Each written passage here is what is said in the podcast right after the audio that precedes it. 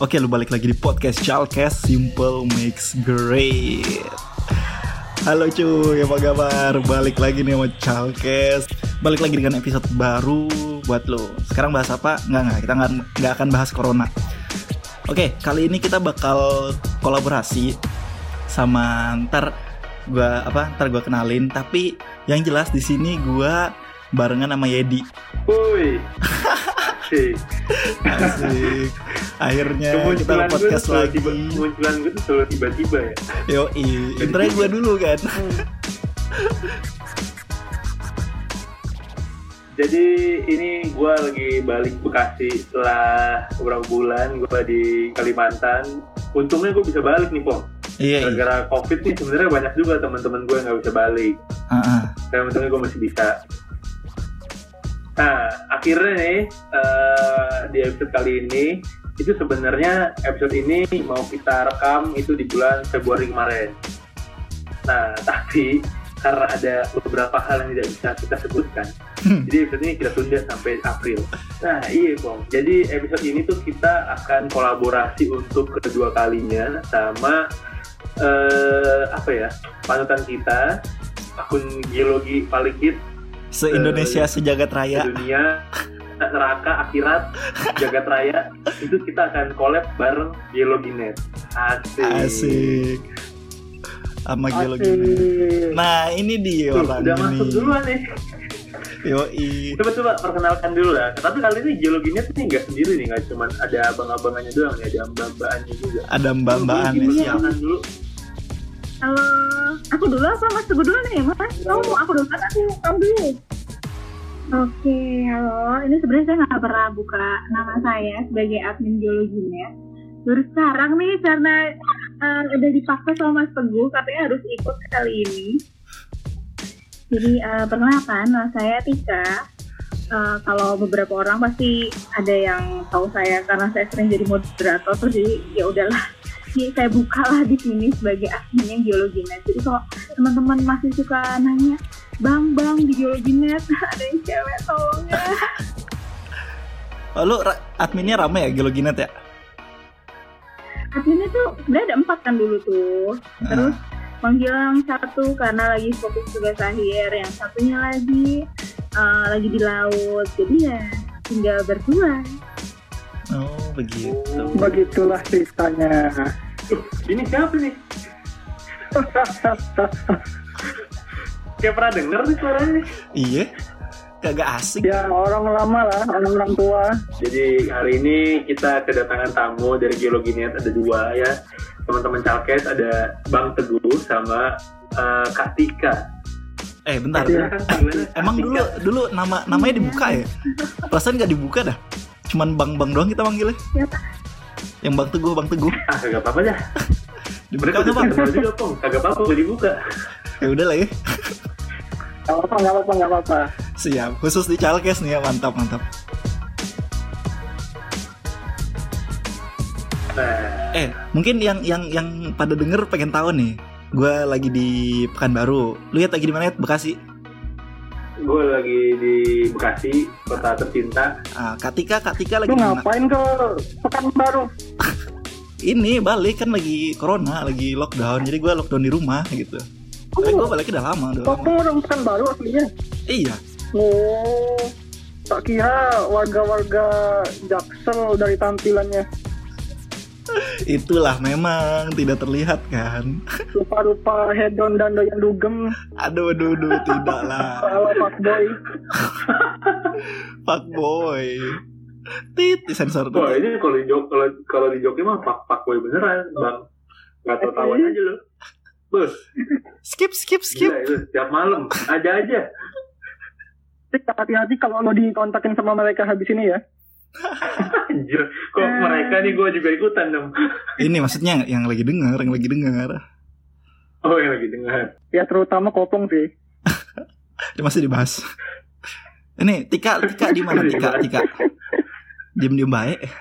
Oke, kalau aku di Bogor, Mas Teguh di mana Mas? Bang Teguh di mana bang? Di Samarinda, terkunci tidak bisa pulang. Alhamdulillah. Aduh. Waduh, padahal Parah semalam, banget. padahal semalam ini malam Jumat bang. Iya kagak bisa Iya. Kagak bisa ini ya. mantap-mantap Sedih banget Beribadah. Malam Jumat biasanya harusnya ibadah tahajud tuh Iya. bagus. Ya baca sinar. surat Iya, al-kahfi ya kan baca surat Baca surat al-kahfi. Nah, Aduh. gitu ya boleh. kopong mah kagak ngerti gituan Iya. Nikah dulu, Pong. Apa hubungannya? Aduh. Eh, ini kan ini nikah baru Mas Teguh doang kan? Terus kenapa ya iya. satu orangnya tiba-tiba mengerti tentang malam Jumat? Waduh. Ya mereka kan sudah dewasa. Iyalah. Gitu, sudah dewasa. Iya. Wah, apalagi kopong itu aduh Aduh. ada Jangan dilanjutin. Nih kalau dilanjutin Oke, jadi gimana jadi obrolan tengah malam nih. kita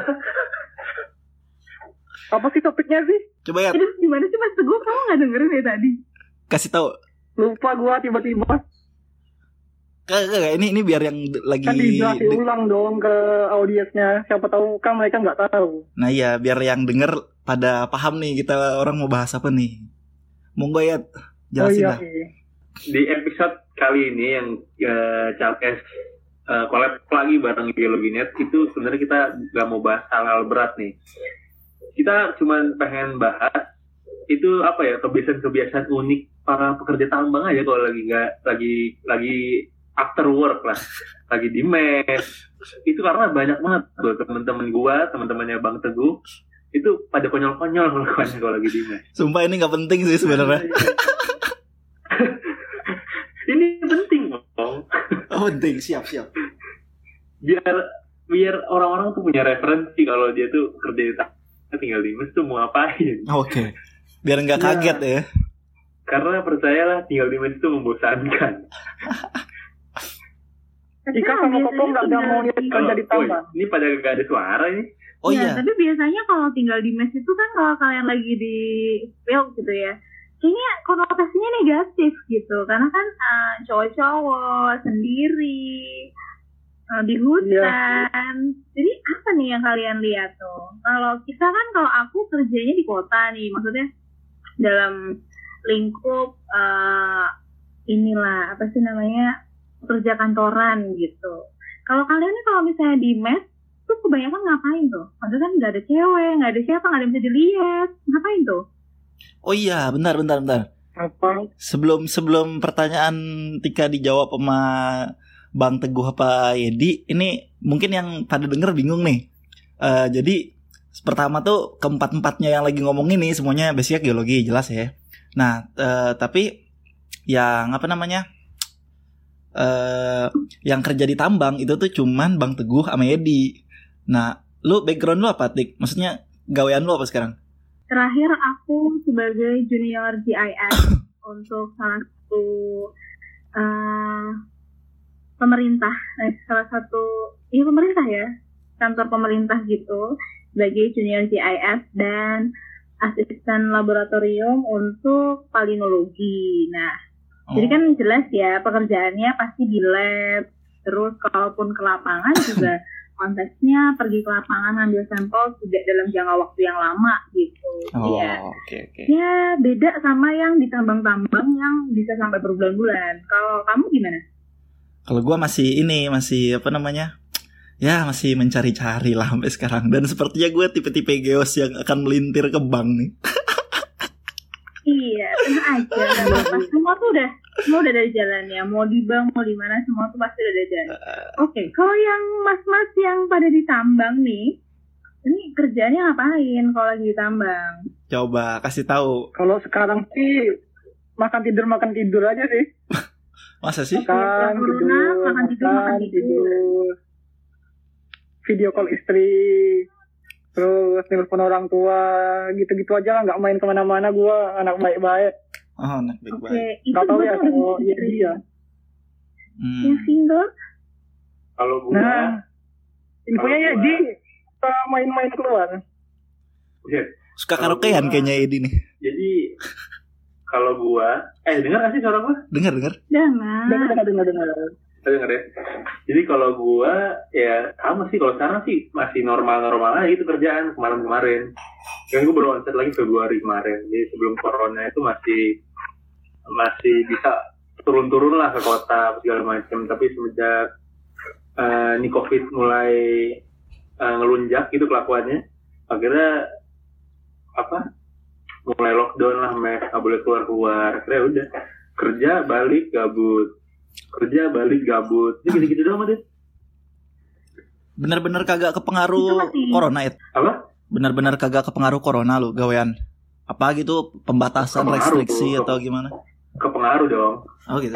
jadi ada beberapa sistem di kantor gua yang berubah semenjak si corona ini mulai eh, apa mulai besar-besaran kayak sekarang Eh, ada beberapa sistem yang berubah ada beberapa alur pekerjaan yang dirubah juga tapi semerta-merta kita tetap masuk biasa cuma bedanya kita pakai masker aja sehari-hari tapi panas banget anjir jadi lu udah ketambang panas lu suruh pakai masker aduh bayang pak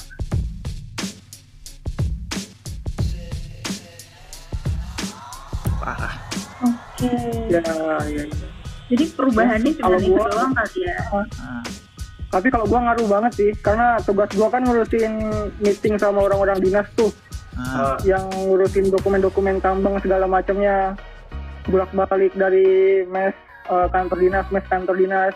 Nah sekarang sejak corona gue nggak bisa meeting lagi. Semua ditutup. Mau presentasi juga nggak bisa.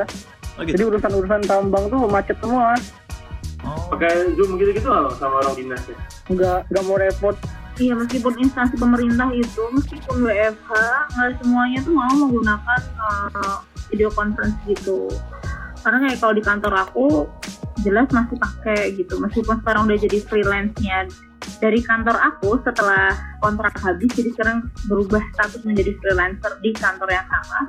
Itu kita masih pakai tuh karena kan kita konkolnya nggak cuma dengan instansi suatu instansi dalam negeri tapi kita juga instansi luar negeri itu pengaruhnya sih mungkin Wow. kalau buat kita yang kerja kerja uh, kantoran sebagai uh, mbak-mbak kantoran di Jakarta Jakarta. Eh, tapi lu kan pernah pernah ini sih apa namanya eh, lapangan yang jauh di sana tuh yang di danau apa sih namanya yang di Sumatera Iya, iya. Utara gitu Danau Toba. uh, Sumatera Barat ini.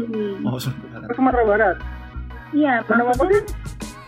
Danau apa tuh? Danau hijau ya? Danau Singkarak, iya Singkarak. betul. Maninjau Maninjau Oh, meninjau.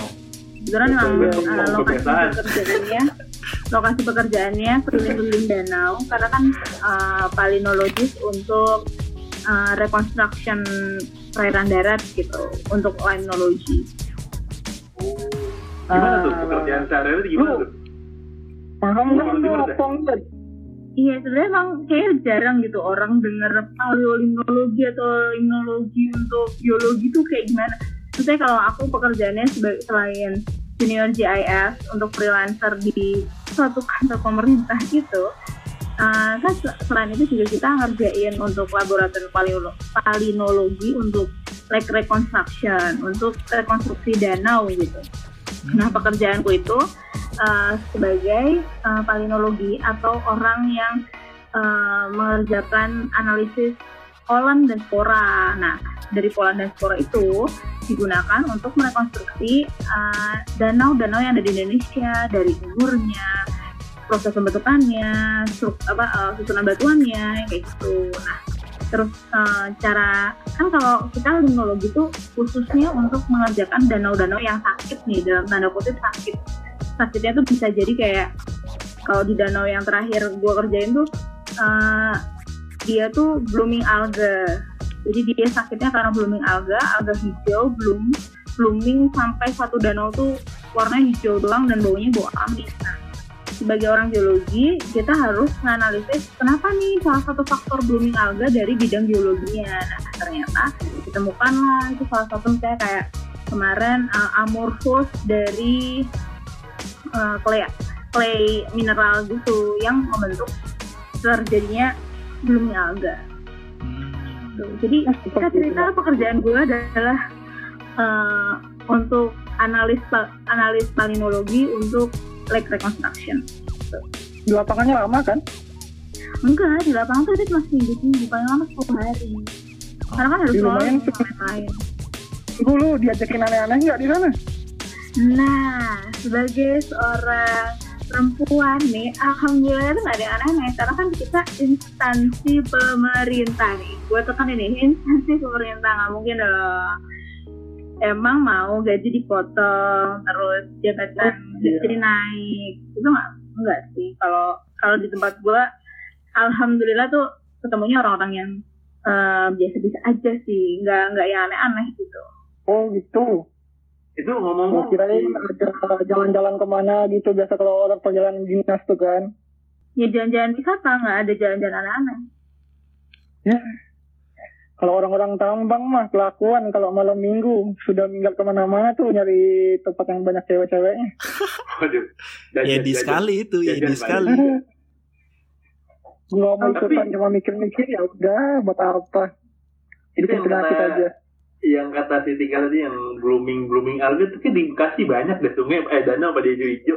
Itu mah jorok aja sungainya, bukan alga kali sampah ya. Itu lumut sama sampah. Iya, kita juga. Iya kita juga ada proyek di Bekasi waktu itu, Bukan. tapi aku nggak terlibat sih. Iya emang eh, kalau di limnologi kan kita limnologi itu cakupannya adalah perairan darat, di sungai, danau, waduk, embung. Pokoknya yang rawa, yang perairan darat tuh yang sakit-sakit tuh kita yang ngurusin. Nah, yang di Bekasi itu salah satunya Oh. sungai-sungai, terus yang kali-kali kecil yang pada bau-bau hijau gitu. Nah itu sih kita juga salah satu proyek kita, tapi aku nggak terlibat. Aku lebih ke untuk rekonstruksi danau-danau vulkanik dan danau-danau eh, apa ya terakhir tuh kalau Sumatera Selatan, eh Sumatera Barat kan vulkanik sama ini ya danau struktur ya karena terbentuk. Oh, pull apart basin ya. Pull apart, Yo, eh. strike slip. Coba gue pengen nanya deh ke Tika. Ya. Itu eh, danau-danau kayak gitu perlu di treatment, dianalisis itu urgensinya apa sih? Misalnya, misalnya kalau kita biarin kan ya udah gitu cuma jadi danau air warna hijau gitu ya udah biarin. Iya, balik lagi urgensinya tuh eh, hajat manusia gitu loh. Kalau kalau kita nih yang hidupnya di tengah kota ya nggak pernah ketemu danau ya udah kita nggak punya hajat apa eh, hajat kita tuh tidak ditentukan oleh danau tersebut. Nah, kalau untuk daerah-daerah kayak Sumatera Barat yang danaunya banyak, hajat manusia itu tergantung dari danaunya. Balik lagi, hajat manusia itu kan kayak lu minum gimana sih pakai apa gitu. Nah, mereka tuh air minumnya dari danau gitu. Nah, selain minum dari danau, eh, perairan untuk eh, sung apa sawah mereka itu tuh juga dari danau itu. Karena kalau danau Maninjau itu itu inletnya cuma satu, Hmm. satu dan itu tuh kecil banget. Jadi mereka tuh perairannya tuh emang agak agak ya beda lah kalau untuk eh, danau-danau yang lain gitu. Nah, terus belum lagi untuk wisata. Nah, Danau Maninjau itu dulu tuh beningnya bening banget. Tahun 2000-an masih bening banget. Masih bagus banget. Dulu masih ada wisatawan tuh bisa mandi-mandi aja gitu di Danau Maninjau. Banyak banget bule-bulenya. Makanya di Maninjau tuh banyak cottage-cottage-nya tuh sekitar. Nah, tapi semenjak kejadian eh, apa bom Bali yang ke satu dan kedua itu kan wisatawan menurun. Nah, bagaimana nih eh, pemerintah tuh memutar otak gitu gimana caranya eh, ada pemasukan untuk warga sekitar danau itu. Nah, mereka akhirnya di danau itu mengembangbiakan eh, ikan gitu. Nah, pengembangbiakan ikan yang pakai eh, apa eh, jala apung gitu itu merusak ekosistem di danau sehingga eh, danau itu blooming alga. Nah, faktornya kalau dari geologi itu salah satunya adalah amorphous dari eh, clay mineral dan ditambah lagi dari pembusukan eh, bekas-bekas makanan ikan yang dikembangbiakan di danau. Tuh. Jadi kalau danau ini sakit, ya udah mereka nggak bisa hidup gitu. Hmm. Ngobatinnya gimana tuh? Ngobatinnya kalau dari sisi geologi, eh, kita akhirnya em, kemarin kita ben- kita kan ada outletnya ya, kita buka outletnya dulu. Nah, outletnya itu yang dipakai salah satunya adalah untuk eh, pembangkit listrik di sana gitu. Nah, Sumatera Barat itu pembangkit listriknya terbesar tuh di Danau Maninjau juga. Kalau outletnya dibuka, ya mereka nggak bisa ini apa namanya eh, nggak ada derasnya air danau itu. Nah kebetulan Maninjau itu deras banget airnya. Udah kayak pantai gitu loh kalau misalnya siang-siang. Nah jadi kita solusinya adalah eh, ada perubahan apa namanya air tuh terus bisa bisa inilah ada sirkulasinya. Nah karena tidak ada sirkulasinya itu eh, yang membuat kita sebagai geolog di situ nggak bisa ngasih solusi lain gitu. Kita solusi lainnya cuma tetap nah satu dibuka outletnya eh, nanti itu bisa sehat secara ini secara sendirinya gitu. Karena amorphous dari clay alters itu dia akan terus terbentuk gitu. Karena sisa-sisa makanan yang eh, sisa-sisa makanan ikan yang tetap eh, dikembangbiakan di sana. Kalau jala apungnya di, di apa sih namanya Hmm. diangkat gitu kan ya balik lagi hajar manusia juga Outlet tuh berarti maksudnya eh, pintu air keluar waduk Keluaran. gitu ya? Ah. ya pintu air keluar waduk nah, Oh. inlet tuh sungai sungai inlet tuh sungai-sungai yang masuk airnya masuk ke dalam danau nah di Maninjau Oh, itu cuma oh. satu Oh. tapi airnya terus terus banyak gitu makanya tadi aku bilang eh kalau di danau Maninjau tuh deres kayak air danau gitu eh kayak air kayak air pantai gitu kayak di laut Iya iya. oke kok jadi Nggak ada ngomongin yang- berdasarkan pekerjaan saya nih gimana nih balik lagi nih ke tambang-tambang mas-mas yang ditambang gimana Loh, ini kan-? Ini kan Nggak intermezzo supaya supaya mengalir gitu obrolan seperti inlet sungai kan mengalir menuju danau. Pembicaraan juga gitu. Nanti Iya, kita iya, mengalir menuju iya Tambang. betul. nah Boleh, boleh. Terus gimana nih kalau mas-mas yang ditambang nggak jajan? Soalnya waktu aku masih kuliah, itu teman-teman kuliah aku tuh salah satunya ada juga yang pernah udah pernah kerja di tambang gitu. Dia tuh pernah cerita salah Iya. satunya di salah satu perusahaan nikel di Sulawesi. Kita nggak sebut merek ya. Nah itu Iya, iya, iya. eh, jadi salah satu kepala tambangnya itu dan tambangnya itu jajan gitu. Nah jajannya tuh ke eh, warga sekitar gitu loh. Jadi saking saking dia kan di hutan nah ada yang warga sekitar yang tugasnya cuma untuk masaknya gitu akhirnya jajannya ke warga sekitar. Gitu. pernah nggak tuh nemu-nemu yang case-case lucu-lucu kayak gitu? Itu sebenarnya agak kaget juga sih waktu waktu pertama kali Jajan kuliah. jajan apa? Masih ngerti. Ada sih gua? Mungkin ini Terus lu gue mah paling mentok jajan-jajan di pentol gua. lu ceritain. Iya. lu ceritain dulu dah kondisi kondisi di mes lu tuh gimana? Jauh apa enggak de- ke dari site-nya? Terus di sekitar ada apa ya? Ada warung nggak ada apa? Gue kan kagak ngerti pernah sih ke ke tambang waktu itu bentar ke apa namanya sanga-sanga. Cuman kan nggak yang menetap gitu. Beda kayak lu, eh, lu bang teguh apa Yedi ini kan dah. Lama bisa lu ceritain dulu lah kondisi sekitar dan kebiasaan-kebiasaan yang aneh tadi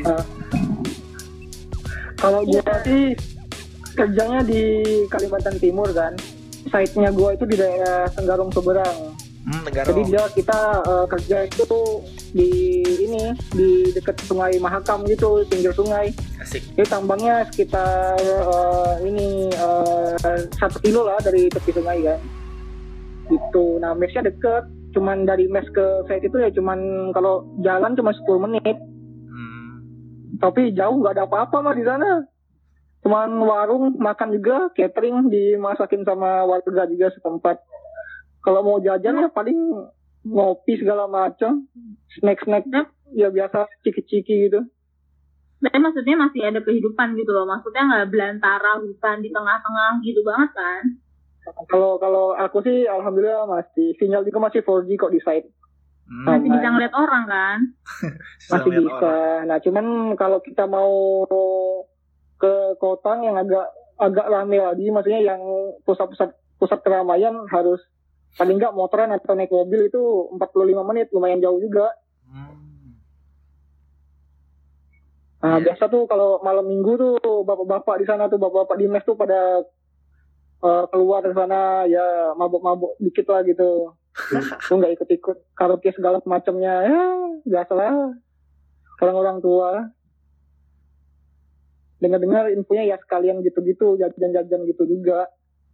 dicerita ceritain Ini kayaknya relate terus sama ya, kalau Yedi. ada Yedi juga gitu soalnya apa? Lu pernah cerita kagak ada apa-apa kan Yed? Lu hiburan ke pasar malam paling. Jajan ini, jajan pentol. Hmm, Apa gimana gimana? Lu kalau ini keluar ke pasar malam ya katanya jajan pentol sama gulali.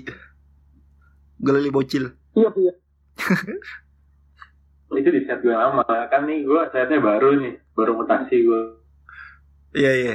Jadi kalau gambaran di set gue itu, kalau yang sekarang ini itu di, di tengah kebun-kebun sawit. Nah, suara lu putus kok ya apa di gua aja ya Emang putus-putus. Sama kok di aku juga nggak jelas. Iya, apa? ini tengah-tengah sawit. halo halo halo Tika mikrofonnya mati Itu sisa kita berdua bang. Suara gue, suara gue kedengeran nggak suara gue? Dengar-dengar. kedengeran kedengeran Tika lagi dapat telepon Oh, sudah. Ntar nih, wifi gue ngehe dah. Eh, Bekasi, Bekasi. apanya Gimana deh kita? Sampai lu cerita apa? sampai jadi cerita packnya gimana Ah, ah, baru ganti Oh. site lu kan. Eh, kalau kalau set gue itu eh, jadi si tambang dan si tambang dan kemesnya ini eh cuma sih si tambang dan kemes jadi dari jarak dari tambang ke mes gue itu itu jaraknya sekitar 20, 20 menit dah itu tuh ngelewatin kebun-kebun sawit gitu jadi si tambang gue ini dikelilingin sama kebun sawit itu juga eh, mes gue juga sama mes gue juga sama dikelilingin sawit gitu lah Nah, kalau mau ke yang agak kotanya dikit, itu kayaknya kalau motoran tuh 20-20 menit dah. 20 menit kalau motoran. Dan kotanya eh, lumayan sih. Maksudnya dari, dari set yang gue lama itu, yang set yang kemarin tahun lalu gue itu, itu nggak ada Indomaret. Tapi kok sekarang alhamdulillah udah ada. Kota terdekat lu apa emang? Eh, namanya itu gue bingung sih sebenarnya sama daerah gue sekarang ini. Ah, gue bingung membagi namanya. Ada yang bilang angsana, ada yang bilang tanah bumbu. Jadi gue nggak tahu dah. Kalau gue di Google sih tanah bumbu namanya oh. di daerah Kalimantan itu di provinsi apa sih Kalsel, Kalsel. oh di Kalsel oh tetangga gitu Yoi. rupanya Iya. Perpindahan set gue segitu aja, Kalsel ya. hmm.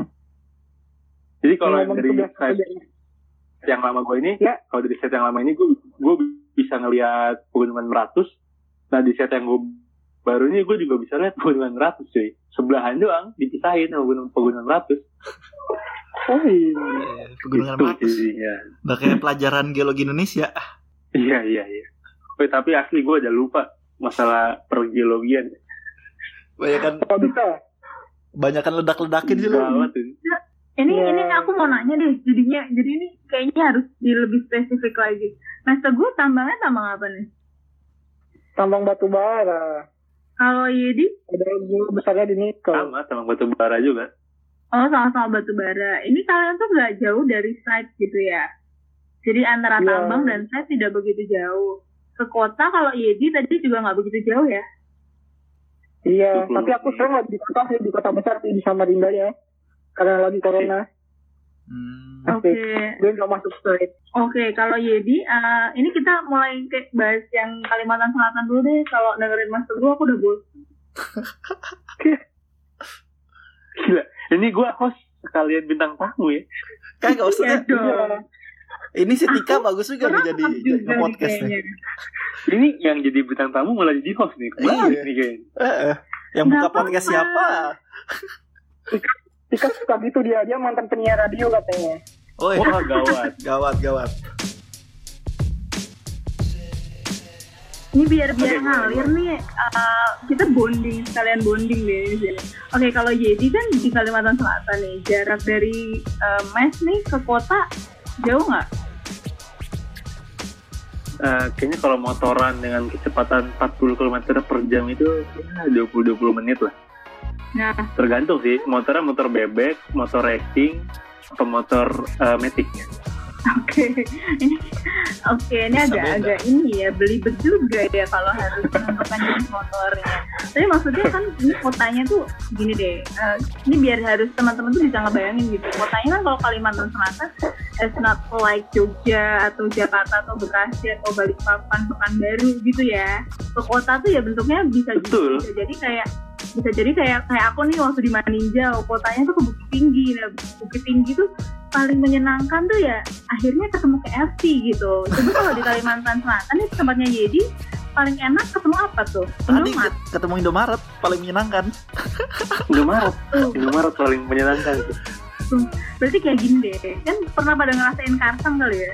Jadi kayak kalau karsam kan pelosok banget tiba-tiba kalau kotanya ketemu Indomaret kayak menemukan oh ya ampun nih gua akhirnya ketemu Indomaret gitu gak sih Parah sih. iya bener itu rasanya tuh sama kayak waktu itu waktu di Karsam Karsam tuh kata Iya. sambung ya Iya, karang sambung. heeh.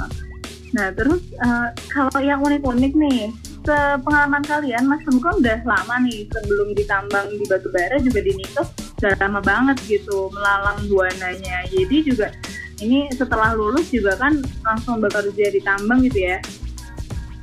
Iya, jadi jago. Sekali tes langsung masuk. Oke, nah, anjir nah kalau kayak gitu nih, emang hoki itu hoki hal apa tuh yang paling bener-bener yang paling lucu gitu yang paling lucu dulu deh yang paling lucu dulu deh yang kita bahas gitu di tambang tuh kalian ketemu apa gitu Hmm, bang teguh duluan ini mas senior gue gue persilakan senior duluan deh eh, kalau gua mah dulu waktu masih di Sulawesi eksplorasi nikel ya yang lucu paling cuma dikejar babi doang. Kejar babi. kejar babi Iya, kejar babi banyak banget babinya masuk hutan. Untung cuma babi, babi mah lari masih sanggup gua kok yang ngejar tapir berabe. Emang emang tapir galak apa? kalau babi Gue lihat di buku di kebun binatang gitu tapir kalem-kalem ya kenapa ngejar dah? Eh kok tapir apa sih? Bukan bukan tapir, sorry sorry anoa anjir. kok tapir sih? Apa? Anoa anoa. Oh Anoa. anjir Anoa anu Iya, kan lo pikir kok tapir? Tapir kan yang Eksotis temen juga. gue yang dikejar anoa mati. Wah. Dia dia itu bentuknya kayak kayak sapi gitu. Cuma kayak sapi iya betul kayak sapi badannya gede. Cuma larinya ini cepet banget. Baru kok dia apa nyeruduk-nyeruduk orang gitu. Jadi lu kalau udah diseruduk sekali batal. Nah kayak yang repot dari Anoa ini, walaupun kan misal kalau kita dikejar sama hewan lain, kita manjat pohon nih kan. Dia kalau udah dia pasti langsung lari kan, maksudnya nggak nggak peduli lagi langsung dia nyari tempat lain. Kalau Anoa ini ditunggui betul, biar aku lima jam lima jam gue di atas pohon. Itu seremnya. Apa kita lucu sih?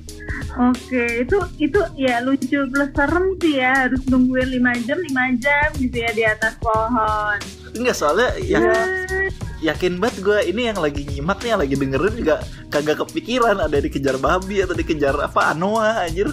Iya maksudnya kalau eh, anak-anak yang kuliahnya di Jawa gitu selapangan selapangan di Jawa lu ketemu ular paling ketemu kodok segede gaban nggak pernah dikejar Anoa gitu bang maksud gue lucu aja sih gue bayangin lucu aja Gue gua pernah dikejar anjir.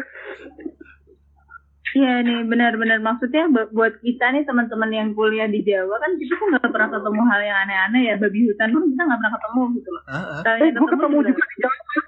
Waktu pertama kali eksplorasi air tanah tuh project-project pertama kali ini. Ini project pertama kali banget sebelum ini memulai debut di dunia geologi ini 2014 eh 2013 tuh ya diajakin dosen gua proyek cari air tuh. Ini di daerah apa Wonogiri. Cari air buat gereja juga gokil banget. Naik-naik gunung sampai maghrib nih masih narikin elektroda tuh. Tiba-tiba di sana ini ketemu babi hutan juga. Gede-gede tapi nggak ngajar mereka. Iya maksudnya kan kalau kalau yang di luar Jawa tuh ketemu babi hutan tuh bisa di waktu-waktu yang jam-jam rush hour gitu loh. Maksudnya jam-jam sibuk pagi-pagi Iya. siang-siang tuh masih bisa ketemu. Kalau di Jawa kan paling ketemu-ketemu yang kayak gitu kan kita malam hari ya. Nah kalau Mas Teguh tadi udah ketemu babi hutan, terus temennya juga pernah eh, kayak anoa gitu. Aku juga jadi lupa tuh anoa bentuknya kayak apa. Malah tadi ingetnya yang kayak apa? Yang kalau di Kalimantan kan ada ada ini ya, ada monyet yang ciri khas Kalimantan itu loh yang udah mulai hilang. Nah kalau Yedi nih di Bekantan, Bekantan. ya betul Bekantan, ah, Bekantan. Kalau Yedi di Bukan itu masih banyak loh. Ini jadi salah satunya. Bukan ya? Anjir. Ya ini kalau Eh, tapi gua gimana kalau gua kalau Bekantan pertama kali gue liat kan di Dufan gitu ya, jadi badut tuh Bekantan. Bener bener bener, bener ya betul. Demi Allah nih, gue gue pernah lihat aslinya kayak bagaimana tuh Bekantan. Jadi waktu itu gue di tahun lalu tuh yang di set yang lama gue di Castle juga. Itu pas gue lagi perjalanan balik, itu ada satu semacam bentukan kayak monyet ya, kayak bukan monyet sih, apa ya, kayak keral agak-agak gede gitu, Bekantan tuh. Nah, jadi nyebrang nih, set gue lagi di, di mobil mau balik di nyebrang, gue kira cuma monyet-monyet biasa kan. Tapi ternyata pas makin dekat dia takut gitu juga kan sama manusia. Kok mukanya aneh nih, hidungnya panjang banget ya. Oh, ternyata itu bekantan. Gue itu pertama kali seumur hidup gue ngeliat bekantan di di ini di tempat yang gue lama itu, tempat lama gue. Itu yang Hmm. paling gue, wah anjir ternyata bentukannya gini bekantan ya. Mirip banget manusia aja. Dia ngejar orang nggak sih? Kagak, kalau ngejar cuman ya kalau lu ganggu paling dicabik juga. Cuman dia mirip banget, mirip banget pak asli, mirip banget sama manusia bentuk bentukannya. Wajahnya kali ya. Wajahnya berbulu berbulu Bapaknya kopong juga nggak? agak-agak mirip, cuman eh, agak-agak sih. Cuman kurang berewok aja nih si bekantan. Hidungnya gede mirip lu ya. Bekantan hidungnya gede bego kayak lu. Iya, mirip kita berarti emang. Gak bukan lu sama gua. Tai lah. Aduh, Oke, aduh, oke. aduh. Nih, kayak aku ambil alih dulu nih, kayak jadi hostnya. Iya. Soalnya Lebih cocok. eh, Pak Yedinya sekaligus jadi ini nih, jadi narasumber kita hari ini nih. Betul sekali. Terima kasih buat capek dibajak malam ini ya.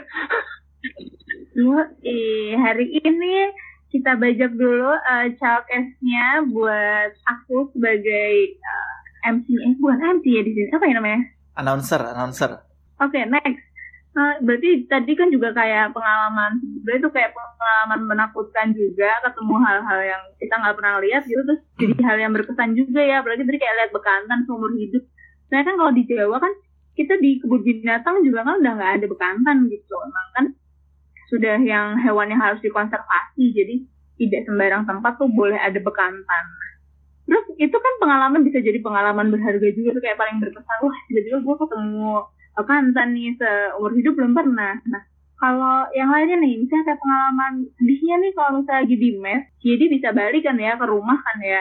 Ini gimana nih? Udah pada ngerasain belum? Gimana rasanya sedihnya gitu kalau di site deket-deket mau lebaran, deket-deket mau puasa. Gue tahun kemarin nggak bisa balik lebaran, tahun ini juga ternyata nggak bisa. Gimana tuh bang? Ceritain bang. Gue tahun kemarin kan pas kebetulan gak dapet cuti, maksudnya masih masih jadwal kerja tuh pas waktu lebarannya tuh. Nah Hmm. tahun ini nih harusnya gue cuti ini seminggu sebelum lebaran tuh udah dapat cuti. Pas pas waktu cutinya. Nah, harusnya seminggu sebelum lebaran cuti. Setelah seminggu setelah lebaran masih cuti, lumayan dua minggu. Eh, ngimbit bisa lah tiga minggu. Nah sekarang kok tiba-tiba ada corona, ya Allah. Nih bulan puasa di lokasi lagi. Padahal harapanku setelah nikah nih sahur ada yang bangunin, dimasakin dong sama istri pagi-pagi, Aduh. buka puasa bareng gitu kan. Aduh, ternyata masa suramku masih berlanjut. Tidak berhenti setelah menikah ternyata. Tidak semudah itu. Aduh. Kok kira setelah menikah Ya, hidupku akan jadi lebih itu, baik. Iya. Ternyata sama saja. Iya. Padahal udah momennya udah pas banget, udah udah asik harusnya. Cuman ya mau gimana lagi? Bini di mana bang emang? Stay-nya? Kan di Samarinda, Bukan, bini lu di mana? baring-baring aja nih. Bini Oh, lu di bini mana? gua, Ah. bini gua di Palembang. Oh, di Palembang. Yo iya. Jauh oh, enggak. Iya, iya, iya. Jauh ya, apalagi nih gimana tuh rasanya uh, udah menikah tapi tetap harus uh, LDR gitu ya sama istri kan pasti Iya. berat banget. Eh, daerah beneran kalau ini. Uh, sebelum Bener-bener kita bahas sebelum nih dibahas yang sedih-sedihnya gimana harus LDR sama istrinya di kamu gimana Aku, eh, kalau aku setahun lalu itu udah pernah dari puasa sampai lebaran tuh di site. Jadi nggak ada harapan lebih banyak sih. Eh, pasti posisi junior tuh pasti selalu dikorbankan. Jadi ya udahlah. Uh, uh, uh, gue bingung mau balik mau isolasi lagi aduh aduh Iya. Iya itu sebenarnya bang. Jadi di kantor gua teman-teman gue juga banyak yang nggak bisa balik. Ada Iya. beberapa sih pertimbangannya mereka tuh kayak daerahnya udah di lockdown atau daerahnya nggak bisa menerima penerbangan yang kedatangan atau mereka juga ada beberapa yang gue cukup eh, terharu dengernya karena dia nggak mau balik takut ketemu anak sama istrinya takut dia di perjalanan tuh ter- tertular nanti ketularan ke anak istrinya. Waduh gila gue gue salut banget gue anjir salut eh lu harusnya salat salat juga sama gua gua juga gitu nggak berani pulang Oh iya. Gila gue salut banget lu adalah salah banyak orang-orang tambang yang gue salutin gak pulang. Gara-gara keluarga asik. Terus ya, gue mikirnya gini Yan. dah. Lu kan, ah, apaan, apaan? Kagak nanya aja lu lagi ngapain Lagi nyimak gue. suara lu put- Kaget gue. put- gue mikirnya gini ya, lu kan berarti ke lockdown nih, du- eh, lu lah bang, atau nah terus pasti kan di mes doang tuh ya, kerjaan juga jadi dikit, nggak sibuk-sibuk amat. Terus dan lihat juga pasti pernah namanya kan, gue sibuk banget gile seriusan? gue sibuk banget Oh gitu. iya banyak dokumen-dokumen mau gue malah pas lockdown ini nanya. Bukan bukan. Gue nggak soalnya kepikiran gue tuh yang gue bayangin lu tuh pada gabut gitu kan di di mes lu atau misalkan kan pernah ada ya, maksudnya lu nggak mungkin juga tiap hari tuh eh full gitu gawean. Nah, ketika lu kagak ada gawean atau lagi santuy gitu, lu di mes ngapain anjir? Kayak si Edi nih tahu gue gue aja video call sama dia kagak bisa kalau dia lagi di mes. Soalnya nggak apa namanya nggak kuat sinyalnya gitu loh.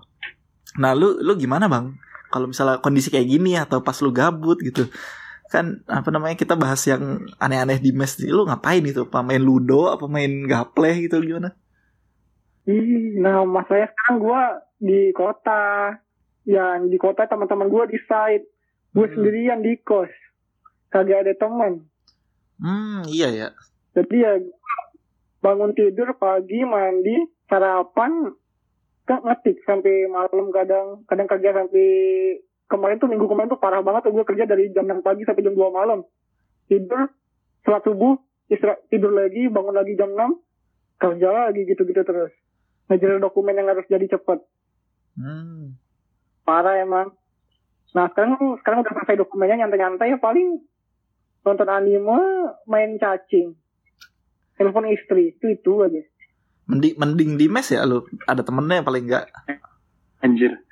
kagak gue gue, gue lagi di mes yang di kota yang di kantor di Samarinda yang nggak di mes yang di site. Iya ngerti maksudnya jadi nggak ada orang. mending mending lu ini aja deh mending lu di site. Ada orang ada ada temennya lah.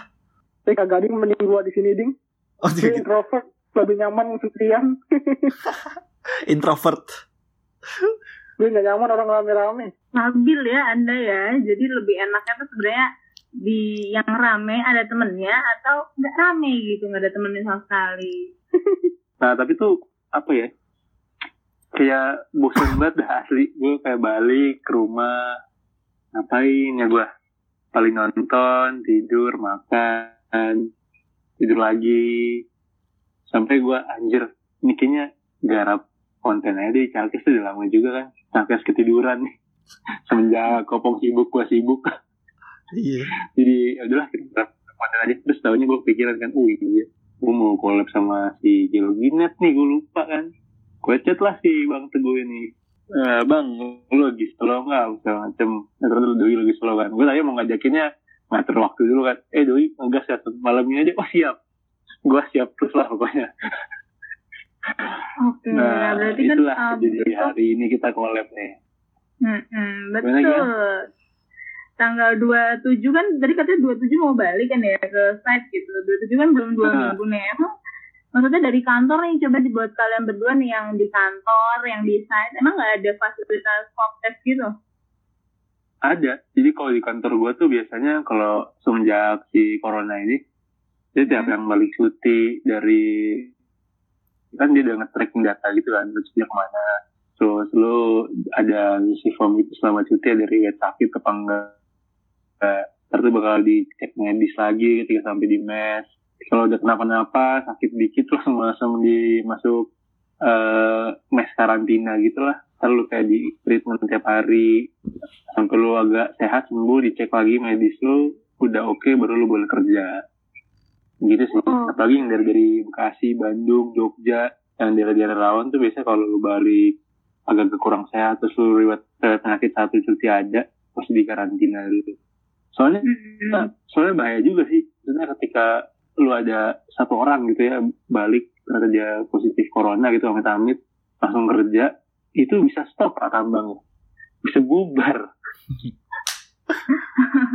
Sangat berdekatan gitu sangat bersinggungan Iya. Iya. Balik lagi kalau Gimana, bubar percuanan ini juga nggak lancar ini nggak bisa Nah, kan. Kita hidup butuh itu dia masalahnya Apalagi ke kantor. itu dia masalahnya Heeh.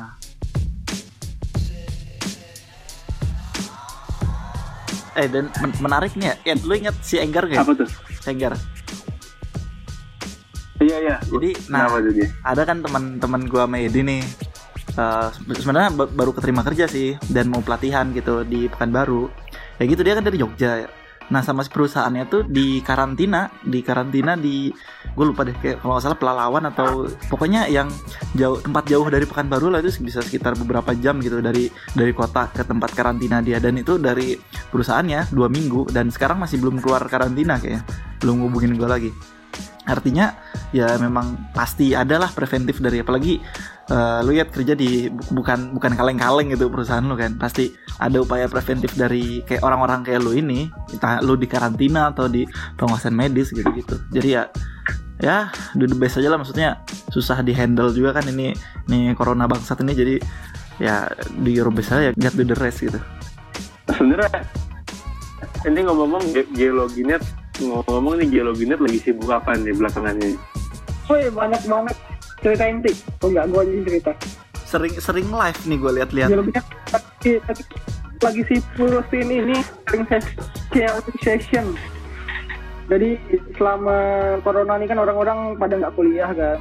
Jadi kami demi mendukung di rumah aja menyediakan itu fasilitas-fasilitas itu buat yang pengen belajar kami eh, tiap minggu ada kayak eh, sharing session gitu kadang aku yang isi kadang Tika yang isi kadang ada dosen-dosenku dulu yang isi Hmm. Eh, bahas nikel, bahas fosil, bahas kristalografi, eh, tentang ini uh, porphyry copper deposit. Gokil nggak tuh? jadi lu semacam ngundang orang-orang buat ngisi dia pakai itu satu. Pakai Zoom. oh, tapi itu bebas ya anak mana pun boleh gabung gitu ya Iya, iya. Rata-rata berapa orang sekali lu bikin web seminar gitu Pertama kali pertama, pertama, pertama kali itu 100 orang masih lebih-lebih sampai nggak muat roomnya kan. Jadi kami pertama kali kan pakai room yang gra- apa Zoom yang gratisan kan. Itu Ah. kapasitasnya cuma 100 orang. Itu sampai yang antri itu lebih 50-an. Yang masuknya 100 sudah. Hmm. itu ya paling paling minimal 50 lah Gitu. lumayan lah Kelas. Antusias sekali ya Iya. iya iya Eh, kalau lu butuh pembicara yang bisa eh sepik-sepik yang nggak terlalu geologi bisa undang gua ke kopong lah. nggak terlalu geologi Boleh nih. Boleh nih cocok mas. Kayak Kita kita, kita cocok membicarakan hal-hal yang eh, di luar teknis lah. Iya, sebenarnya cocoknya tuh buat kayaknya emang ini kepikiran sih sempat kita pingin bikin eh dia bukan kuliah tapi lebih ke discussion gitu diskusi dengan geos-geos influencer gitu loh. Nah ini kan salah satunya Chalkes ini kan juga salah satu pelopor podcast biologi duluan nih. Ini kan juga cocok banget nih. Kita pengen tahu sebenarnya. Nanti lah kita ngobrol-ngobrol lagi di balik layar buat ngomongin diskusi. Boleh, boleh, boleh. oh siap sekali siap sekali apalagi Akhirnya ada juga yang ngundang Calke. Setelah sekian lama ya. Kita, Pom. setelah sekian lama ya Buset setelah setelah dua tahun dua tahun dua tahun nih, terus yang ikut berarti udah tahu kan buset ini mah junior junior gue gue suruh ikut semua itu bodo amat Iya. jadi senioritas anjir Iya. Baik, Ini udah, udah ketahuan banget sih sebenarnya. Setiap kita diskusi juga aku suka merhatiin gitu. Eh, eh, kalau misalnya aku yang isi gitu, pasti yang datang tuh kebanyakan rata-rata adalah eh, teman-temanku sendiri, ada tingkatku sendiri gitu. loh. Itu udah kelihatan banget. Pasti kalau misalnya kita mau ikut suatu event itu apalagi kayak kuliah-kuliah umum itu dilihat dari pembicaranya. Oh ITB, oh UGM. Oke, pasti nanti dominasinya itu adalah alma maternya sendiri. Itu nggak apa-apa. Itu adalah mendukung. tapi sebenarnya lu kalau kalau menurut gua lu kalau misalkan mau menjaring si apa ya si pendengar atau si peserta yang lebih banyak ya lu harus mengkolaborasikan sama univ Iya betul betul. ya kan kayak lu, lu dari lu dari unpak dari atau gue dari komponen UPN bahkan gue gue dari itu orang luar apa pas gua ngisi materi rame orang luar dari kampus-kampus. Entah dari mana-mana banyak banget. Ada yang dari ITB bukan bukan bukan mahasiswa doang ya dosen-dosen juga ngikut rupanya kader juga gua kemarin. Oh iya? Ternyata pas di sini dosen Anjing, ya, dosen kelas- ITB Iya kaget. Betul sebenarnya juga sebenarnya aku tadi nggak aku maksudnya gini itu tidak menutup kemungkinan banyak sih tetap audiens dari luar. Tapi memang kalau kita lihat dominasinya adalah dari alma mater sendiri gitu. Nah jadi Iya. lagi nih apalagi tapi tetap tetap banyak juga audiens yang dari luar. Kuliah terakhir yang aku paling banyak 160 itu juga eh, banyak dosennya juga ada itu di web seminar yang geologinya tuh yang 160 itu Hmm, Bukan. Jadi gue juga Oh. gue juga salah Oh, satu pembimbing profesional untuk seksi mahasiswa IAGI. Nah, tadi Jadi- banyak banget kegiatan. Aktif ya. aktif Hmm, iya banget ya anaknya ini ya. Mantap ini sangat berkebalikan dengan kita bung. Kebetulan aja sih. Lagi tidak terlalu padat malah malah kerasa banget WFH ini bikin padat banget nih kegiatan. Terus gue pengen nanya dah, yang Geologinet nih bikin apa namanya webinar dan sama ada event-event tertentu. Nah, lu kira-kira bisa nyentuh kalangan di luar geologi gak sih? Karena gini ya, gue gue gue pengen cerita kayak awal kita bikin calkes gue sama Yedi awalnya sebelum ada Lala ya sampai sekarang pun sih eh pengennya tuh geologi itu bisa nikmat, dinikmati kalangan umum. That's why kita ngomongnya tuh kayak eh kersing-kersing tuh nggak masalah ngomong anjing lah apalah. Terus juga ngomongnya tuh lebih casual gitu. Gimana caranya kata-kata geologi kita translate ke bahasa umum gitu loh. Dengan harapan orang tuh di luar geologi bisa masuk gitu loh ilmu geologi.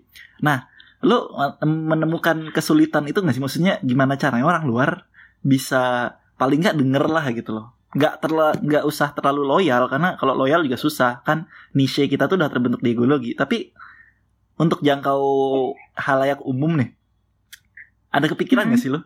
Kayak kayak kayak yang gue bilang tadi gitu. Anjir udah berat cuman ya gue penasaran aja soalnya lu udah gede bang apa tik lu lu geologi net udah gede soalnya Iya sih, sebenarnya pengen jangkau pasar luar juga. Cuman waktu di sharing session gini, ya bingung juga. Ilmu yang gua punya kan cuma ilmu geologi, terus geologi net juga sebenarnya dikenal orang sebagai akun geologi dengan pembahasan-pembahasan yang berat-berat gitu, yang kayaknya terfokus di geologi banget. Eh, dan akun bagi-bagi buku. pas ngisi-ngisi bikin-bikin materi juga, materi-materi geologi juga yang bisa gue bagi-bagi sendiri. Iya iya. Itu dia bingung ya gue ngisi buat orang luar emang gue gak ada gak ada spesifikasi ya gak ada kemampuan di situ gue Hmm. bingung juga nih kalau mau ngomongin ke biologi sama orang luar ya.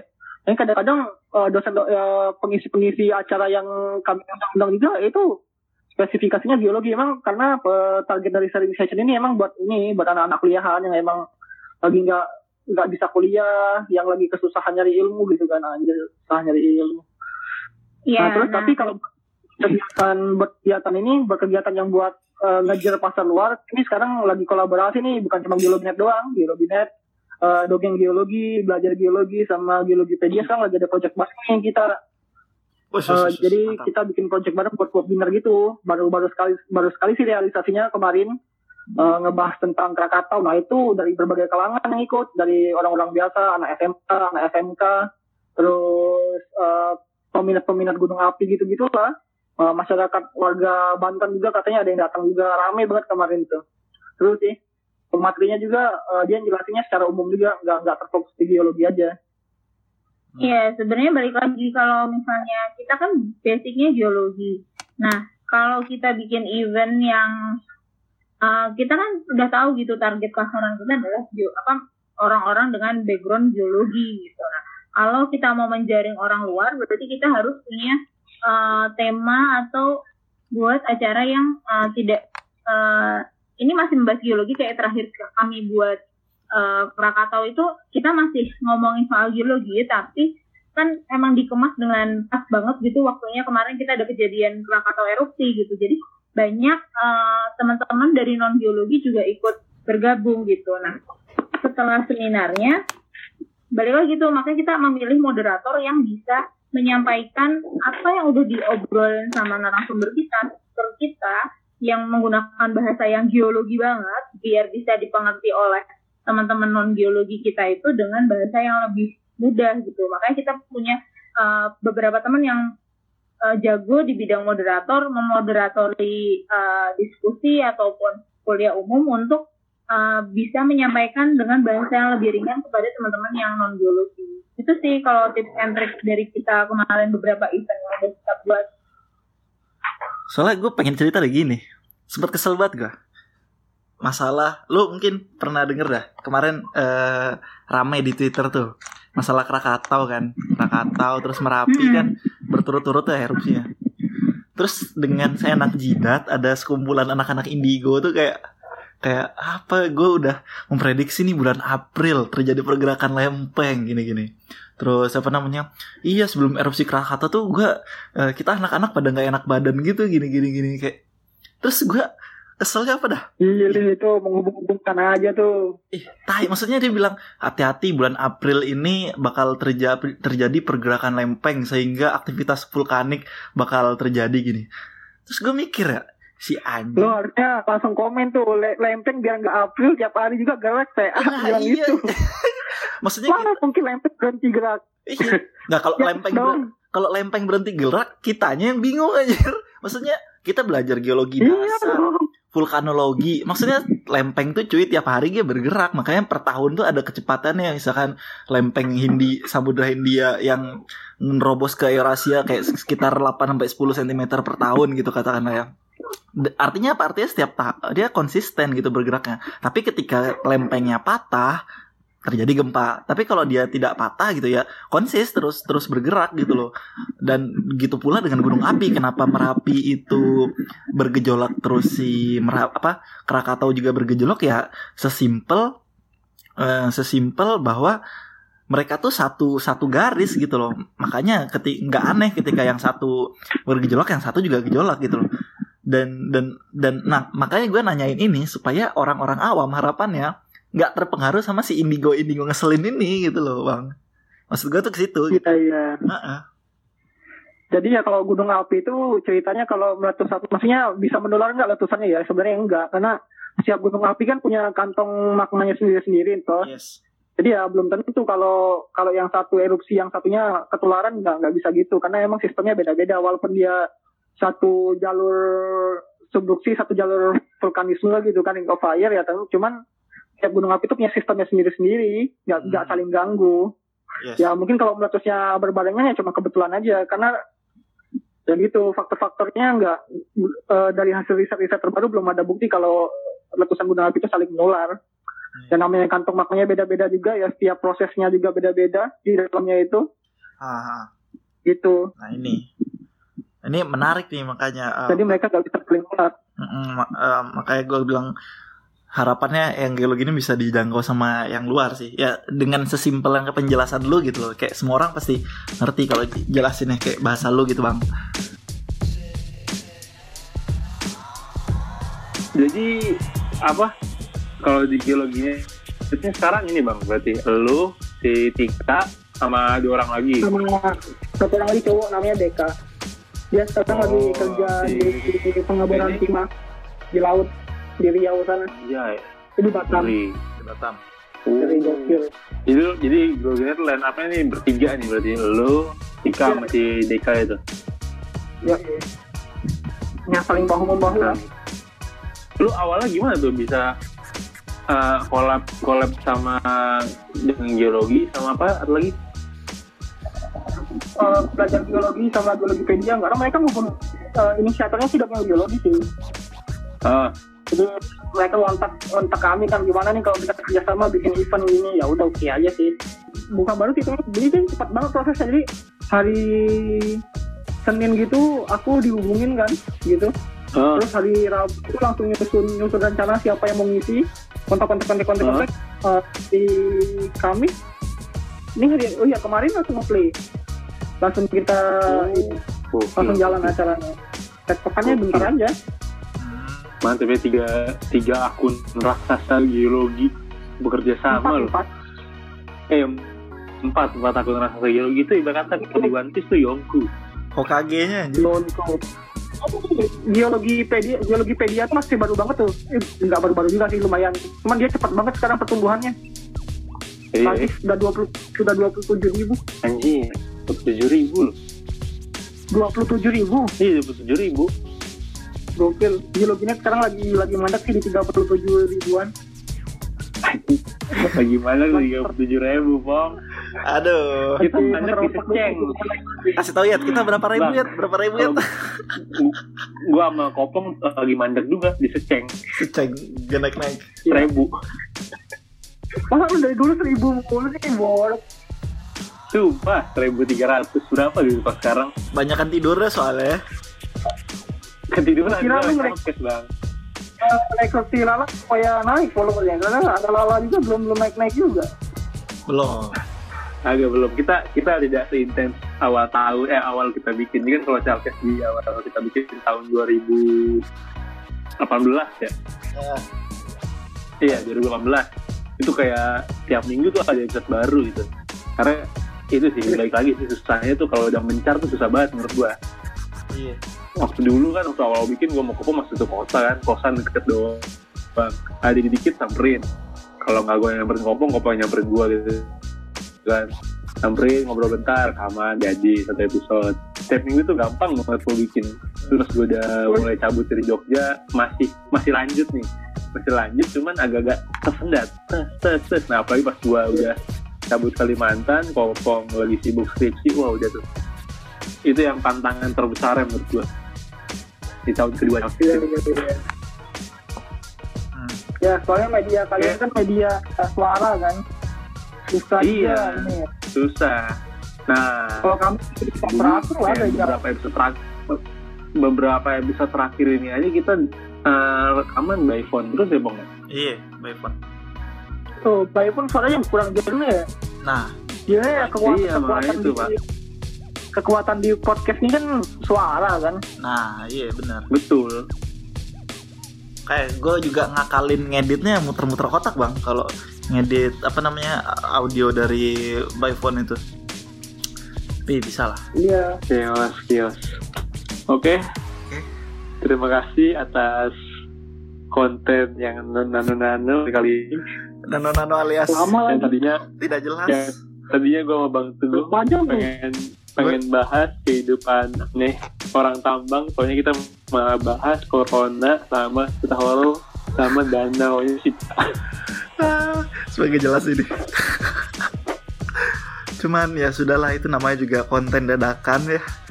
Tapi apa namanya ada faedahnya juga. Mungkin next gokil lah, gokil next lah kita bahas apa gitu yang rada berat sama Geologinet atau nggak di podcast tapi di event gitu apa di live gitu. Kita emang pengen live ya waktu itu live IG. iya kita waktu itu pengen sempat nge-live juga di Chalkes karena banyak juga kan kayak beberapa podcast yang kita lihat ada yang live terus kayak Geologinet sempet kan nge-live itu kalau nggak salah gue Kita Kenapa sempet apa? live live IG. nge-live nge-live IG Ngapain gua live IG? Kagak di Geologinet. oh gak Geologinet. pernah ya Nggak pernah. Agak pernah kurang kerjaan banget. Iya sih. Ntar malah tuh kita bikin event lagi sama Geologinet dengan pembahasan yang lebih spesifik gitu.